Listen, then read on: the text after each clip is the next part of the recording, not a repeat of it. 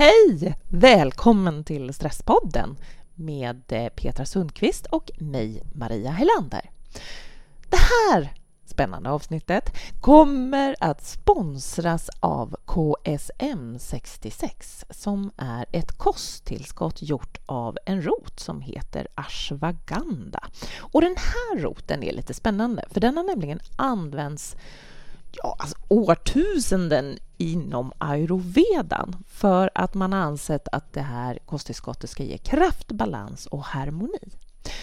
När man nu på senare tid har börjat göra studier på just den här roten så har man upptäckt att den bidrar till ökad stresstålighet, fysisk och mental kapacitet. Man har lättare att somna, man har lättare att slappna av när man äter det här kosttillskottet och man får en större ork. Och sen säger de även att eh, då att det ska eh, ashwagandha är bra för mannens sexuella funktion och kvinnans eh, reproduktiva organ. Ja, och det som är lite roligt är att jag använder det här kosttillskottet eh, tidigare under en period när jag gick i körskola och skulle ta körkort för ett år sedan. Och jag är helt övertygad så här i efterhand att det hjälpte mig väldigt mycket att just hålla orken för att det var en period i mitt liv när jag var otroligt stressad. Att som 46-åring ta körkort, det var en intressant upplevelse. Men då tog jag alltså det här kosttillskottet KSM 66 och upplevde just större ork, bättre koncentration och trots att jag var väldigt stressad så kunde jag sova bra på nätterna. Så om du upplever en period av stress se till att införskaffa det här kosttillskottet KSM 66 med roten ashwagandha i. Spännande och eh, kliniskt dokumenterat att det hjälper. Nog om detta. Nu ska vi strax få höra Petra träffa Anna Hallén. Och hon kommer att berätta för oss, Anna, alltså om levern och hur den blir påverkad av stress. Jättespännande och det gäller oss alla. Så häng kvar!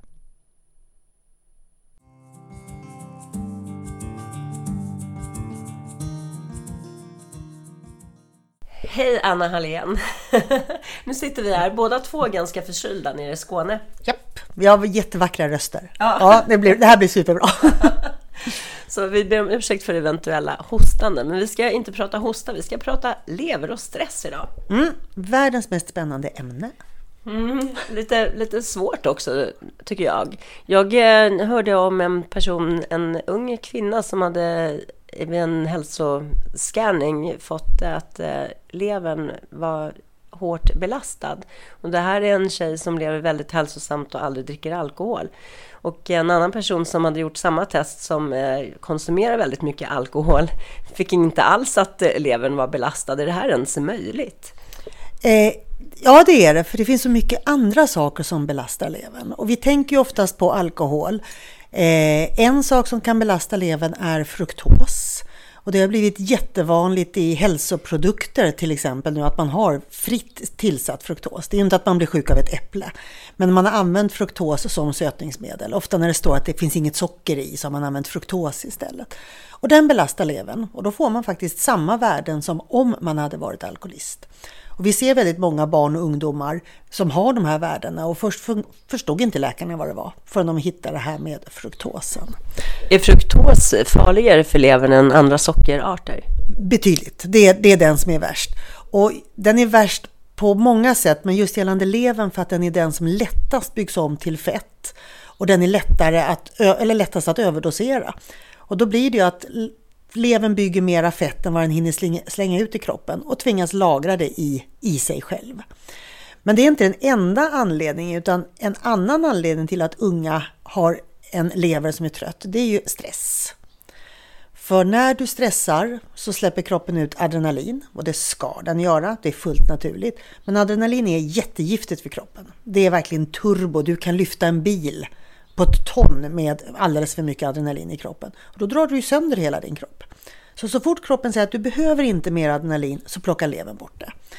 Och då blir ju levern överbelastad. Om man går omkring med lite oro eller prestation eller man ska hinna med, man ska vara duktig. Och då får du en lever som blir överbelastad. Men eh, tar levern hänsyn till adrenalinet först och framför andra saker i kroppen, eller? Ja, den måste välja det först. Jag brukar skämtsamt säga det när eh, vi har utbildningarna, att om du inte kan svaret på en fråga så svara i levern. Levern gör otroligt många saker. Vi kan i vetenskapen jättemånga delar, men jag tror att levern gör ännu fler. Så att jag tror vi har mycket att upptäcka. Kan du nämna några medan jag hostar lite? eh, levern kommer att stå för eh, avgiftning av dig. Allt ifrån att du har ätit lite färgämnen i mat till att du har fått i dig lite bekämpningsmedel från grönsaker som inte var ekologiska. Det kan vara att du har tagit en huvudvärkstablett som den måste ta hand om. Eh, du kanske har amalgam i dina tänder som fyllning och då måste levern ta hand om det kvicksilvret som läcker. Du kanske har en deo med aluminium i för att du inte ska svettas och då kommer levern vara tvungen att ta hand om aluminiumet och så vidare. Är aluminium jättefarligt för kroppen? Japp. Men har vi inte det också naturligt i kroppen? Vi har massa saker naturligt i kroppen men det som händer när vi till exempel använder deo med aluminium det är att vi får för mycket. Så vi har massa spännande saker i kroppen. Jag menar, vi har saltsyra, vi har aceton, vi har ammoniak. Men det hade ju varit katastrof om vi drack saltsyra eller aceton eller ammoniak. Så att det ska vara på rätt ställe i rätt eh, nivå. Och allt som blir överdos kommer levern ta hand om. Men levern behöver inte bara ta hand om det här utan om du har en helt frisk kropp där du bor eh, helt ute i naturen och allting är ekologiskt och biodynamiskt och så kommer kroppen ändå behöva slänga ut skräp. För när cellerna funkar precis som en cell ska så blir det avfall och även toxiska giftiga, giftiga ämnen. Mm. Så att levern måste jobba i alla fall. Men den väljer adrenalin först och då får alla andra arbetsuppgifter vänta.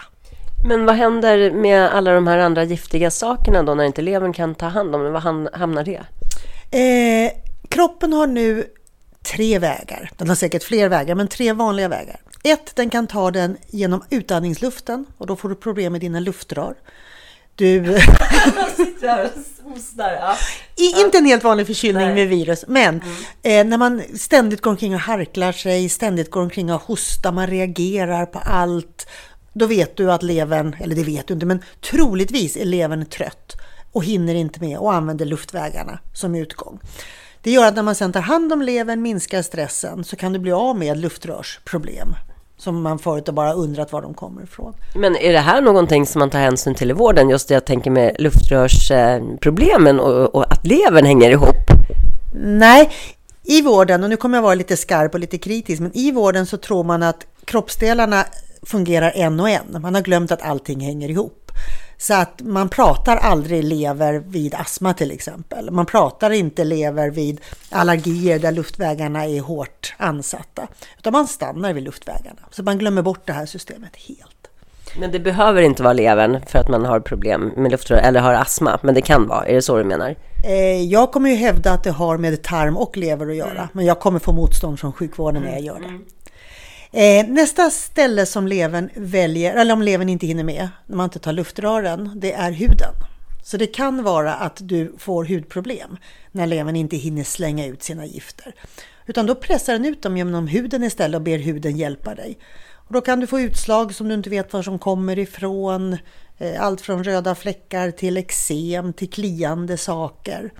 På något speciellt ställe eller kan det komma var som helst? Det kan komma precis var som helst. Mm. Eh, Ja, jag, jag, skulle inte vilja peka ut något speciellt ställe. Ofta den mjuka huden, den tunna huden. Tjock hud är ju jobbigare att använda. Så att där du har tunn hud, där, där huden är skör, där väljer kroppen att slänga ut. Mm. Och sen det tredje stället, det är ju bara att lagra kvar det i fettväven.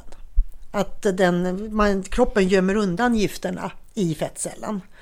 Därför att när de ligger i fettcellen så är de ganska så lugna. Och då, de ligger fortfarande och läcker och retar din kropp. Eh, och då retar de kroppen så att du får en låggradig inflammation, vilket inte är hälsosamt. Men de är fortfarande ganska så lugna. Det är det bästa stället för kroppen att lägga dem. För hade de lagt dem på något ställe som är vattenlösligt, då är de aggressiva och reaktiva. Mm. Vad betyder det att ha en låggradig inflammation i kroppen? Eh, och det kan betyda en massa saker. Eh, sjukvården och vetenskapen har kopplat ihop låggradig inflammation med hjärtinfarkt. Det betyder alltså att du har pyttelite inflammation så du känner inte att det är rött eller svullet utan det ligger liksom i blodet, i musklerna, lite överallt och är bara precis lite grann så att det stör. Men sjukvården har i alla fall hittat det här eh, som kopplat till hjärtinfarkt så det är en bra början och nu öppnas dörren. Eh, man pratar också om att den här trötthetssjukdomen eh, MECFS är resultat av en låggradig inflammation. Vi vet att diffus värk är en symptom av den här låggradiga inflammationen. Så det verkar som att kroppen säger till på olika sätt. Där du är som svagast, där brister länken. Mm. Men eh, är det här då med till exempel hudproblem och sånt, är det de tecken som vi ska vara uppmärksamma på själva och då tänka att vi kan ha problem med levern eller kan vi märka det här på något annat sätt? Eh, det viktigaste av allt att veta det är att vid allt jag har berättat om nu så är nästan alla eller har nästan alla klienter perfekta levervärden. Mm. Så levern är inte sjuk eller trasig, den hinner inte med. Så att man har inte fått någon leversjukdom egentligen, utan man belastar levern med alldeles för mycket arbetsuppgifter. Och levern har ju precis som vi 24 timmar på dygnet. Och när det kommer ett nytt dygn så börjar levern precis som vi på ruta ett. Mm. Och de sakerna som vi inte har hunnit med igår, de gör vi sen. Mm. Och blir det för mycket sen så kommer vi ju att skapa en massa inflammationer i kroppen på grund av att gifterna inte kommer ut och levern inte orkar. Och där är ju stressen den absolut viktigaste komponenten i och med att adrenalin alltid har förtur. Så kan vi minska på stressen lite grann, ja då hinner levern, som är frisk, men bara överarbetad, men då hinner den med att ta de här gifterna i, ja, sakta men säkert. Men vad behöver levern för att kunna arbeta på ett bra sätt överhuvudtaget då? Eh, ja, för det första behöver den lugn och ro. Mm. Men den behöver också eh, arbetsmaterial, byggstenar. Och levern har någonting som heter fas 1, fas 2 och fas 3. Och det är ingenting som går först den ena, sen den andra, utan de här händer hela tiden samtidigt. Men fas 1, då ropar levern på alla gifter. Då talar han om att kom hit alla gifter, för då är ju gifterna i, i fettcellerna till exempel.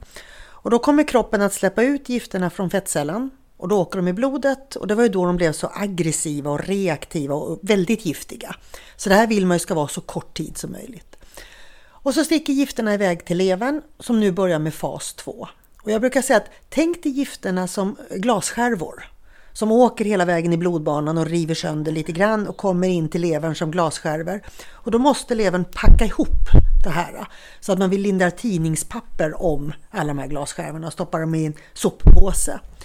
Och sen fas 3, då tar levern soppåsen och så slänger den ut skräpet ur kroppen och det gör den genom gallvätska ner till tarmen, från tarmen ut i toan som bajs.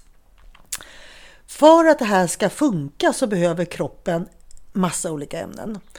Eh, den behöver massa grönsaker. Den behöver de gröna grönsakerna med folsyra till exempel. Den behöver gröna grönsaker som innehåller ALA. Och då är det inte den omega-3 ALA utan det är något som heter liponsyra eller alfa-liponsyra. Eh, den behöver lera, smuts, så som hundar och hästar käkar smuts. Förr i tiden tog vi en morot ifrån landet, drog över jeansen och tuggade i oss. Varför behöver den smuts? smuts är som tidningspapper för glasbitarna. Så den behöver det för att binda upp till exempel kvicksilver. För att du kan inte slänga ut de här gifterna som de är. Och det är därför jag gör dem till glasskärvor för det är lättare för, för oss att se dem. Utan vi måste binda ihop dem och linda in dem med andra saker. Till exempel selen är också en bra tidningspapper att linda in glasskärvor. Mm. Och vi behöver just selen. Så vi behöver äta skaldjur, paranötter. Vi behöver äta gula grönsaker för att få just något som heter flavonoider. Så att gröna grönsaker, gula grönsaker, lera. Vi behöver äta pektin. Eh, och det finns i lingon, det finns i äpplen. Och tänker man tillbaka lite, liksom 1910, 20, 30, även 40, 50-talet kanske. Då hade vi ju rårörda lingon till maten. Vi hade äppelmos gjort på hela äpplet med både skal och kärnhus. Vi hade svartvinbärsgelé. Mm. Och där har vi det här pektinet för levern. Jag till och med för mig, eller till och med för mig, man sa förr i tiden att ett äpple om dagen håller doktorn borta. Och troligtvis var det på grund av pektin så att levern kunde jobba, fast man visste inte varför. Så det är egentligen bara vanlig mat som levern behöver, förutom då leran. Mm. Du behöver även eh, äkta buljong, för i buljong finns det glycin och det behöver levern för att kunna jobba och få allting att funka. Så att äter vi, äter vi riktig mat så kommer man väldigt långt. Grönsaker i alla färger, eh, buljong så att man inte bara äter filébitarna. Att man har lite bär, till exempel lingon eller äppelmos eller svartvinbärsgelé. Ja, en, två, kanske tre gånger i veckan. Och sen så då smutsen. Mm. och sen smutsen. Och sen smutsen. Ja, ja. Eh. Ursäkta. ja, men precis.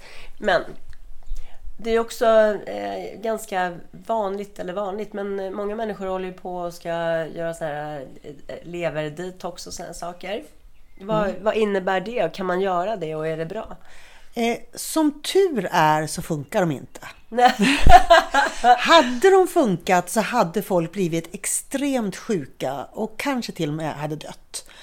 För när man gör de här detox så släpper man ut alla gifter i kroppen, alla gifter sticker iväg till levern.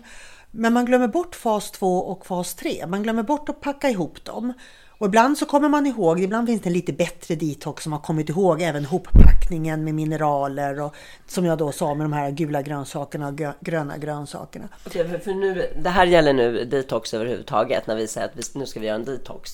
Eh, ja, för det, detox är ju för att du ska rena dig. Ja. Eh, men som sagt, de flesta är ju helt värdelösa så det händer ingenting. Du bara köper massa dyra juicer eller dyra grejer eh, och sen smakar det gott och sen går du ner något kilo. Så att det gör ingenting på insida kroppen. Men så finns det detox som faktiskt påverkar lite grann och då brukar man bli lite dålig. Men som tur är så är de som, så pass dåliga så att det händer så lite. För att ska du göra en detox så måste du se till att du kan leverns alla tre faser. För funkar inte den här fasen, typ fas 3, då när du slänger ut gifterna, då släpper du först ut gifterna från fettet till levern och då är det som glasskärvor som åker i blodet som skadar levern. Och sen kan inte levern slänga ut det i toaletten. Då ska allting tillbaka genom blodet och in i fettet igen. Så det enda du har gjort då det är att du har skadat dig själv och gjort dig lite känsligare, lite sjukare. Så det är jätteviktigt att man ser till att gör du en detox så kan kroppen verkligen binda upp gifterna, slänga ut dem. Och då är det också viktigt att du har lite överskott av de här sakerna. För att annars kan faktiskt tarmen ta tillbaka gifterna in i kroppen en gång till. Och så börjar allting från början. Oj, ja. det låter inget bra. Eh, och jag har ju filosofin att kroppen är smartare än vad den smartaste experten är på jordens yta. Eh, ära naturen. Så att låt det gå långsamt. Levern vill inte att du snabbt slänger ut alla gifter i blodbanan. Hade levern velat det, då hade den ju gjort det. Den vill att det ska gå långsamt så att den hinner renovera skadorna som de här aktiva gifterna gör. Så tänk snarare ja, 6 12 månader och så gör du rätt under lång tid istället. Mm. Eller helst för alltid. Men då känns det också som att ifall man tänker att man ska göra en detox under så här lång tid, känns det också som att eh, det är superviktigt också eh, vara i ditt återhämtande system, köra jättemycket rätt andning och sådana saker så att eh, vi minskar på adrenalinet mm. i samband med det. Då. Och det är ju en förutsättning och det glöms ju alla paket mm. som man köper. Eh, är du orolig, slår på dig själv, negativa självtankar, ditt självprat är ständigt ett litet monster som hackar på dig så spelar det ingen roll hur mycket detox du gör för levern måste prioritera adrenalin. Mm. Eh, så att den bästa detoxen är nog att ta hand om dig själv. Att börja precis som du säger med andning. Andning är ju ett av de mest effektiva och enklaste sätt. Men också jobba med ditt självprat. Mm. Mm. Du eh, sa lite tidigare här i avsnittet när du eh, gick igenom hur saker och ting skulle kastas ut, den, eh, en, av, en av vägarna, så nämnde du eh, gallvätska. Mm. Och då tänker man så här, gallvätska, alltså det kommer väl från gallblåsan? Eh, både ja och nej. Gallvätskan byggs i levern. Eh, men den har ett litet förråd och det är gallblåsan. Och då kan levern bygga så mycket den vill när den hinner och så lägger den den i det här lilla förrådet i lilla blåsan. Och när du äter mat så tömmer sig blåsan i den perfekta mängd som du behöver. Om man nu hamnar i ett läge där man måste operera bort gallblåsan Ja, det var det jag tänkte, Ja. för jag har en kompis som har gjort det. Det lät inte alls eh, som en bra kombo här nu. Jo, det funkar faktiskt i alla fall. Ja. Därför att levern kommer fortfarande bygga gallvätska. Och gallgångarna från levern till tarmen finns fortfarande kvar. Hade man tagit bort dem så dör du. Men det som kan vara ett problem här det är att du kanske inte klarar av att äta li riktigt lika mycket fett. För nu har du ju inte ett lager så att det blir den här perfekta mängden. Och tyvärr så får du rådet av sjukvården, ät mindre fett. Och äter du mindre fett så får du mindre gallvätska och då har du ju stoppat sopnedkastet från allt skräp i din kropp. Ja. Eh, och det här kommer inte gå bra och det gör det inte heller. Så att vi behöver äta fett för att bli av med skräp i vår kropp. Så då finns det ju den här eh, gallblåsestartaren som man pratar om. Eh, och det behöver inte, du behöver inte ha någon gallblåsa för att göra det. Men då tar du ungefär en matsked olivolja, för olivoljan är ju grön. Och jag sa ju gröna färger var så bra för levern. Och sen så tar du en halv citron och pressar ovanpå. Och citron är bra för många saker, har egentligen inte med levern att göra här, förutom att du har pektinet i citronen. Och sen så dricker man upp det här, en sån här varje morgon. Och då kommer ju levern både få byggstenar som den behöver, till exempel klorofyll i den gröna färgen och ALA och pektin från citronen. Plus att det kommer ner en hel matsked fett.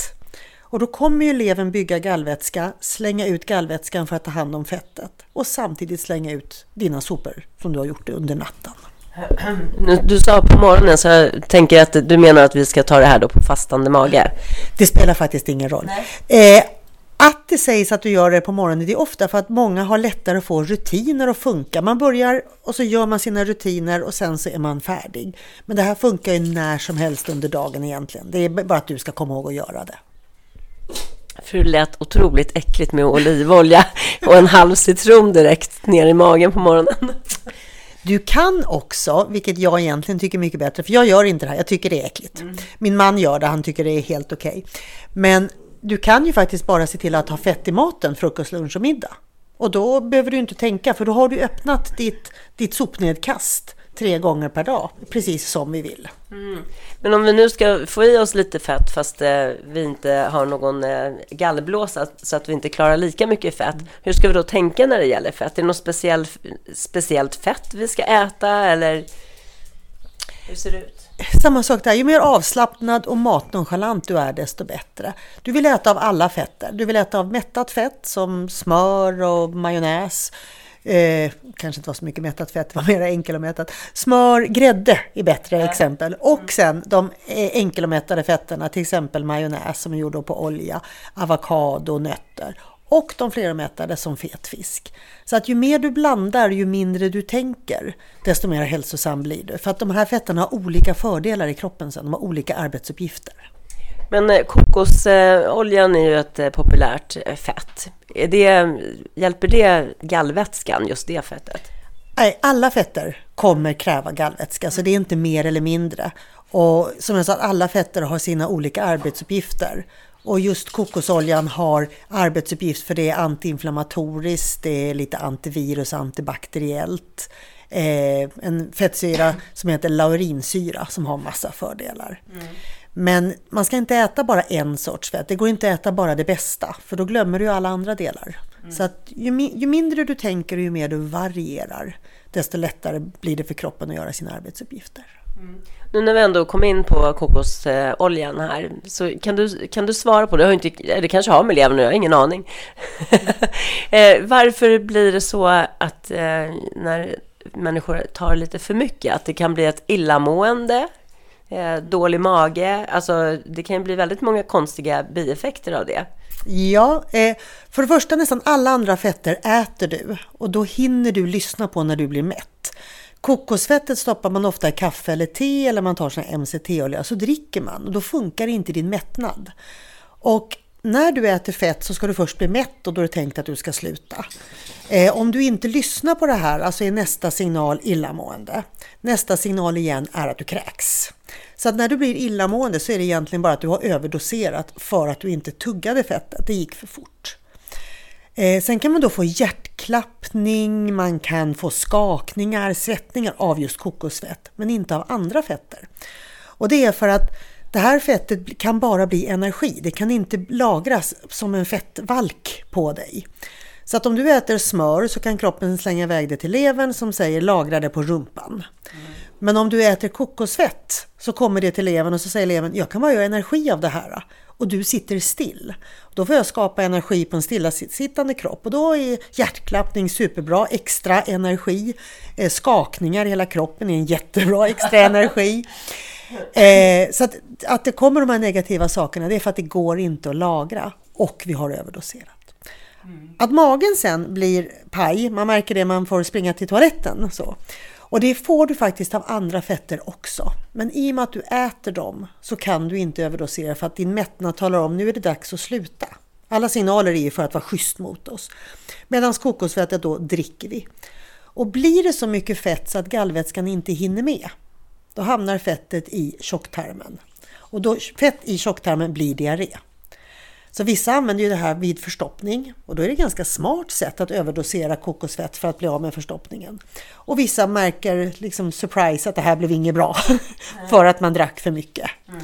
Så vi ska tugga mat, inte dricka mat och det gäller fett också. Mm. Känns som en eh, jobbig kombo bara då ifall man använder kokosoljan för att eh, man har förstoppning för att, för att liksom kunna gå på toaletten och samtidigt då så får man skakningar och hjärtklappning för att det, man fick för mycket energi.